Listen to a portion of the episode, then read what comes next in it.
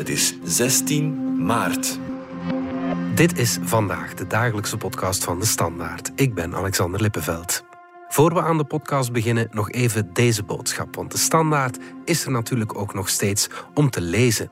Voor 4 euro per week krijg je analyse en duiding bij de actualiteit. En je krijgt ook nieuwe inzichten en verhalen achter de feiten. Elke dag in de nieuwsapp, online en in de krant. Alle info op standaard.be-lees. Iran wordt geteisterd door een golf van vergiftigingen in meisjesscholen. De vermoedelijke vergiftigingen vinden plaats in de nasleep van de protestbeweging die ontstond na de dood van Messa Amini.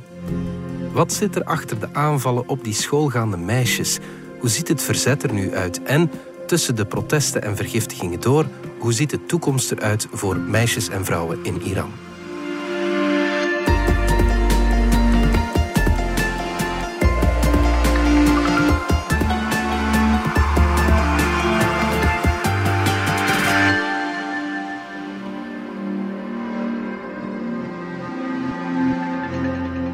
Samira Attai van onze buitenlandredactie. Er is duidelijk iets gaande in Iran. Het klinkt heel onwerkelijk. Honderden meisjes in scholen, verspreid over het hele land, lijken vergiftigd uh, te zijn. Wat is er daar aan de hand? Ja, momenteel is er eigenlijk, uh, zijn er nog heel veel vraagtekens bij wat er aan de hand is binnen de schoolmuren. Mhm. Maar wat we wel weten is dat er eind november, op 30 november, heeft een Iraanse journalist genaamd Ali Porta Tabatabai mm een verhaal geschreven voor de lokale nieuwssite in Qom, mm een religieuze stad in het noordwesten van Iran, over 18 scholieren en twee weken later 15 scholieren die zijn beland in het ziekenhuis met vergiftigingsverschijnselen. Ja.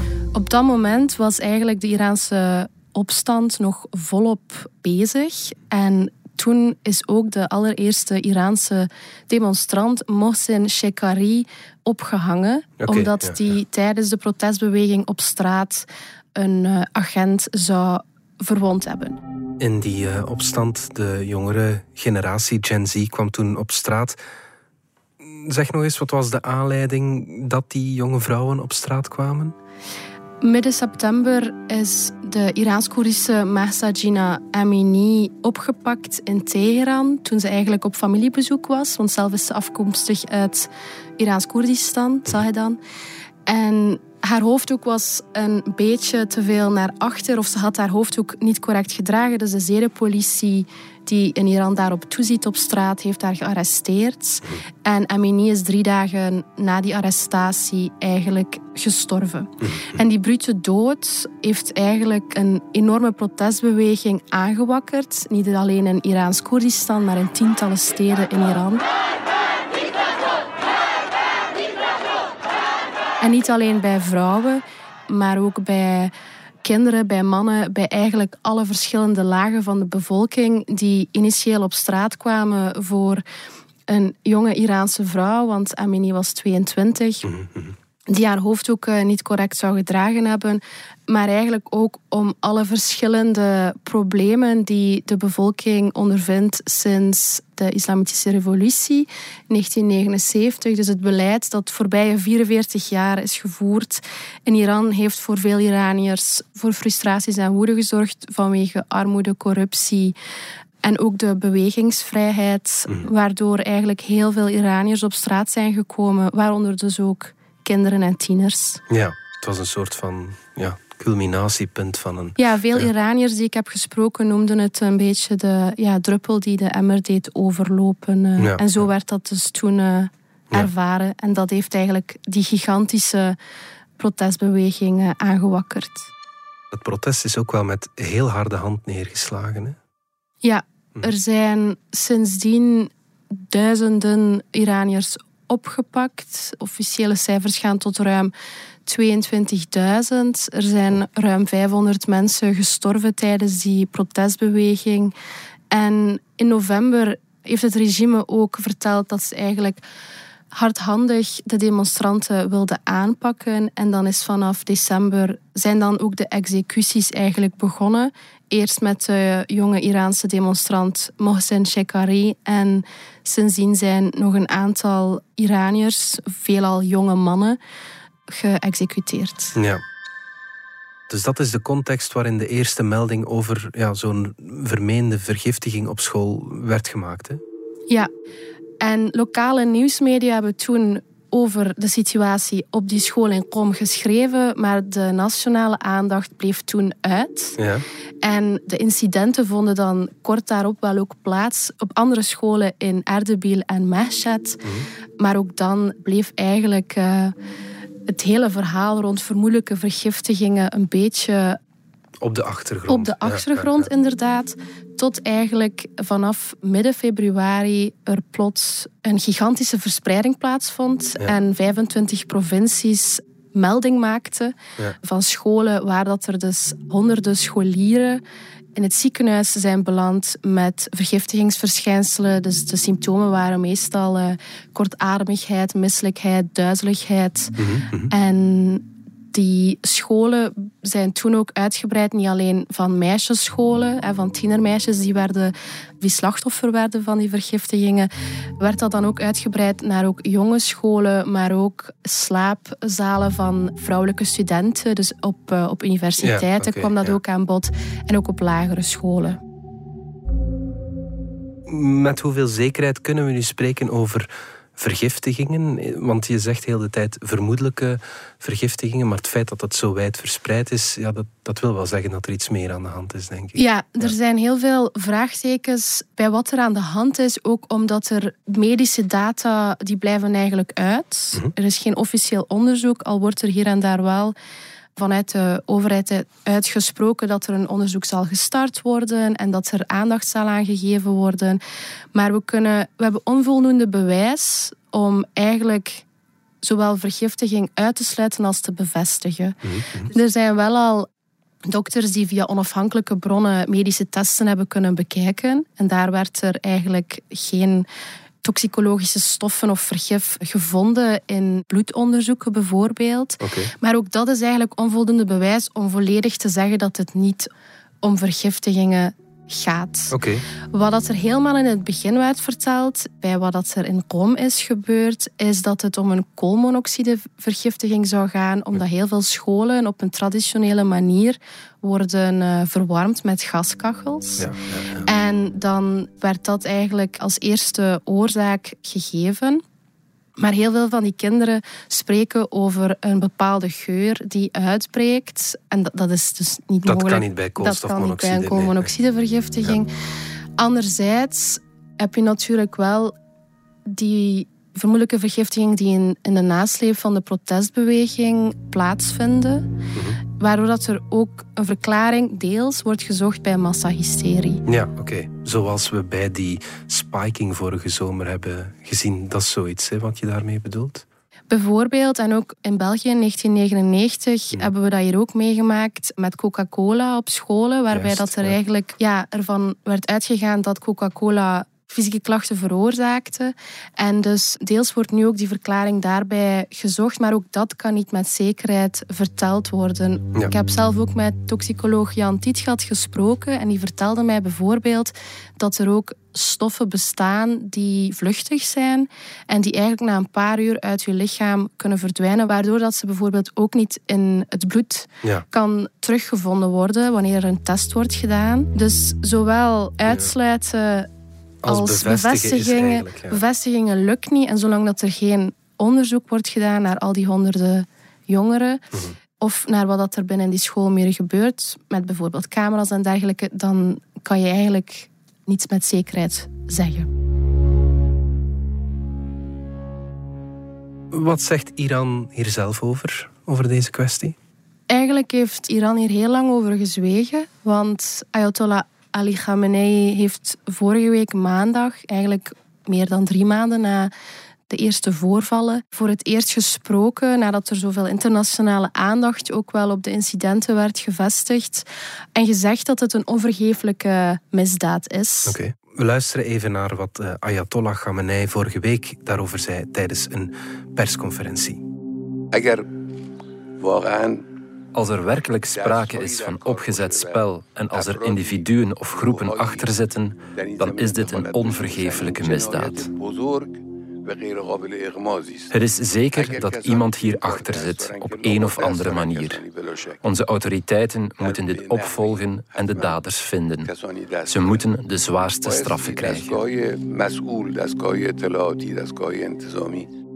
Toen begon ook, werd er eigenlijk enorm gevreesd voor een toename van arrestaties. En dat is dan uiteindelijk ook wel zo gebleken, want voorbije weekend zijn er 100 arrestaties uitgevoerd in 11 provincies op Iraniërs, waarvan officieel wordt gezegd dat er een link zou zijn met terreurgroepen of buitenlandse overheden. Ja.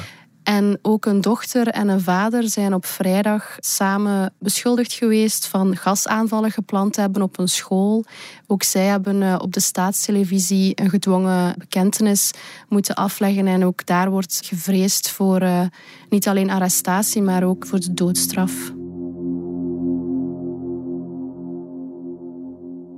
En wat denken de Iraniërs zelf? Ja, natuurlijk, die vermoedelijke vergiftigingen of die aanvallen vinden plaats in het kielzog van de demonstraties en een beetje ook in de nasleep van die, van die protesten. Dus heel veel Iraniërs vermoeden eigenlijk dat het een wraakactie kan zijn van het regime tegen eh, Generation Z, die eigenlijk voor de allereerste keer in de Iraanse protestgeschiedenis heeft deelgenomen aan protesten tegen het regime en tegen een theocratisch beleid. Mhm, mhm. Herinner u al die beelden die wij zagen passeren, filmpjes van tieners die op straat toolbanden van moelas afwerpen, die een middelvinger uitstreken, die met hun luide, schelle kinderstemmen vrouw leven vrijheid uh, schreeuwen en uh, ook op school protesteren. Dat is eigenlijk ja, ongezien in de Iraanse protestgeschiedenis. Ja, oké. Nog een andere theorie zou zijn dat als het regime zelf niet achter de aanvallen zit, dat het dan een oogje dichtknijpt voor andere vermoedelijke daders. En daar wordt nu ook vaak de vinger gewezen naar religieuze extremisten, omdat de eerste aanvallen plaatsvonden in religieuze steden zoals Qom, Mashhad en Erdebil. Mhm. En zij zouden geïnspireerd op de Taliban-ideologie meisjes ervan willen weerhouden om naar school te gaan. En in de protestbeweging een momentum zien om eigenlijk uh, ja, hun plan uit te voeren.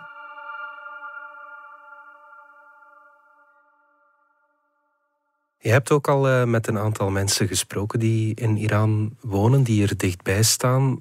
Hoe verloopt dat contact? Eigenlijk een, uh, dat heeft een hele evolutie doorgemaakt. Want de, sinds de protestbeweging die midden september is uitgebroken, sta ik in contact met verschillende Iraniërs in Iran. Mhm. Zeker in de eerste weken voelde je wel veel moeilijkheden op technologisch vlak, omdat er veel internetrestricties waren, waardoor bepaalde apps niet werken, waardoor een berichtje sturen zelfs niet lukt of, of memo's uh, niet verstuurd worden en bellen gewoon helemaal niet gaat. Naar ook de angst om eigenlijk informatie te delen, wat ik vooral nu enorm heb gevoeld. Ja. Zulke internetrestricties kunnen soms met een VPN-verbinding verholpen worden. Maar wanneer dat die vermoedelijke vergiftigingen, eh, wanneer ik die onder de loep ging nemen en probeerde te spreken, heeft bijvoorbeeld een van de Iraniërs met wie dat ik in contact stond, mijzelf verteld dat wanneer hij aan personen die persoonlijk zijn getroffen door het verhaal en hen zelf wilde vragen van hey, hoe gaat het met je? Dat ze daar zelfs geen antwoord op durfden te geven, omdat het... Uh, ja, omdat de accumulatie van de zorgen eigenlijk die de mensen hebben door die opstand en door alles wat ermee samenhangt, is zodanig groot geworden dat mensen liever ervoor kiezen om te zwijgen eigenlijk. Is dat een teken dat die repressie dan ook wel ja, werkt, om het heel cynisch uit te drukken? Ik denk het wel. Hm. Want natuurlijk als je bijvoorbeeld nu ook kijkt naar die vermoedelijke vergiftigingen. Iedereen kent wel iemand die op school zit of op een school werkt. Als dat ook in dorpjes gebeurt en niet alleen in steden. Ja, op den duur wil je ook niemand in gevaar brengen. Het treft gewoon alle verschillende hoeken van een maatschappij. En alles is natuurlijk met elkaar verbonden. Dus je voelt ook wel dat mensen niet alleen zichzelf, maar ook de omgeving niet in gevaar willen brengen. Ja, maar zullen deze aanvallen dan niet weer de woede en het wantrouwen ook tegenover het regime aanwakkeren? Ja, wat je nu ziet bij die protestbeweging is dat die echt massademonstraties, zoals dat we helemaal in het begin hebben gehad, eind september, begin oktober, dat die eigenlijk zijn geëvolueerd naar kleine ad hoc protesten en demonstranten vinden telkens nieuwe redenen om op straat te komen. Mhm. Het rouwproces in Iran duurt 40 dagen en wat je ook tijdens deze protestbeweging hebt gezien, dat mensen die tijdens de protestbeweging zijn gestorven, mhm dat er ook voor hen telkens 40 dagen na hun dood, dat dat, dat ook weer een reden werd om op straat te komen. En dat zorgt er eigenlijk voor, voor een bepaald soort tempo in die protestbeweging, dat dat telkens blijft voortkabbelen. Maar ook bijvoorbeeld deze mysterieuze aanvallen op scholen zorgen er ook weer voor dat Iraniërs op straat komen. Vorige week voor Internationale Vrouwendag hebben ze dat ook gedaan. Binnenkort is het Iraans nieuwjaar. En zo zijn er dus telkens verschillende momenten of redenen die de demonstranten creëren en een soort van samenbundelen. Op die dagen gaan we om die reden weer op straat komen, zoals dat ze bijvoorbeeld in november ook hebben gedaan, mhm. om de slachtoffers te eren die zijn gestorven in de protestbeweging in november 2019 naar aanleiding van de verhoogde brandstofprijzen. Op een bepaald moment in die protesten leek het wel alsof de deur op een beetje op een kier stond voor veranderingen. Is die hoop nu helemaal weg of niet? Toen ik uh, de voorbije maanden met Iraniërs sprak, merkte ik ook wel dat er een uh, verandering was in dat gevoel. Mhm. Dat enorm werd gedomineerd in het begin door ambitie en, en strijdvaardigheid en echt wel hoop mhm. op verandering. Een Iraanse vrouw had eens aan mij verteld van het is alsof dat ik in een droom leef, omdat ik voor de eerste keer het gevoel heb dat er echt iets kan veranderen. En dat is echt een gevoel dat veel mensen die helemaal in het begin op straat kwamen, echt wel met elkaar deelden. Maar uh, natuurlijk, die bloedige repressie is niet onbekend in Iran. Het regime heeft ervaring met hoe ze protesten de kop moeten indrukken. En ook nu heeft dat ook een effect. Ja. Als we kijken naar de cijfers van Amnesty International, de mensenrechtenorganisatie die heeft bijgehouden hoeveel executies Iran in uh, januari en februari heeft uitgevoerd, dan zaten we in die twee maanden aan een aantal van 94.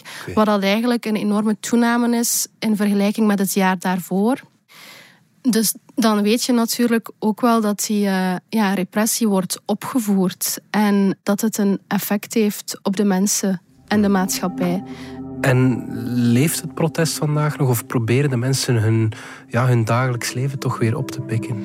Ik denk dat die opstand op een bepaalde manier eigenlijk heeft aangetoond dat er een, een mentaliteitsshift is of dat eigenlijk bepaalde gedachten, ideeën, gevoelens, die eigenlijk veel Iraniërs met elkaar deelden binnen de huiskamers, voor de eerste keer naar buiten zijn gekomen. En veel Iraniërs vertelden mij de voorbije maanden van op een bepaalde manier voelen we dat er geen weg meer terug is, mhm. maar we weten niet waar dit naartoe gaat gaan. Mhm.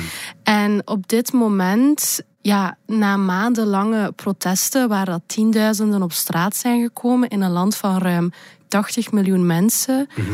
Is dat natuurlijk nog niet voldoende om daar een uh, grote verandering in te krijgen. En ik denk dat wat er wel gaat blijven doorspelen, die mentaliteitsshift is en dat dat zich op verschillende manieren nog zal uiten.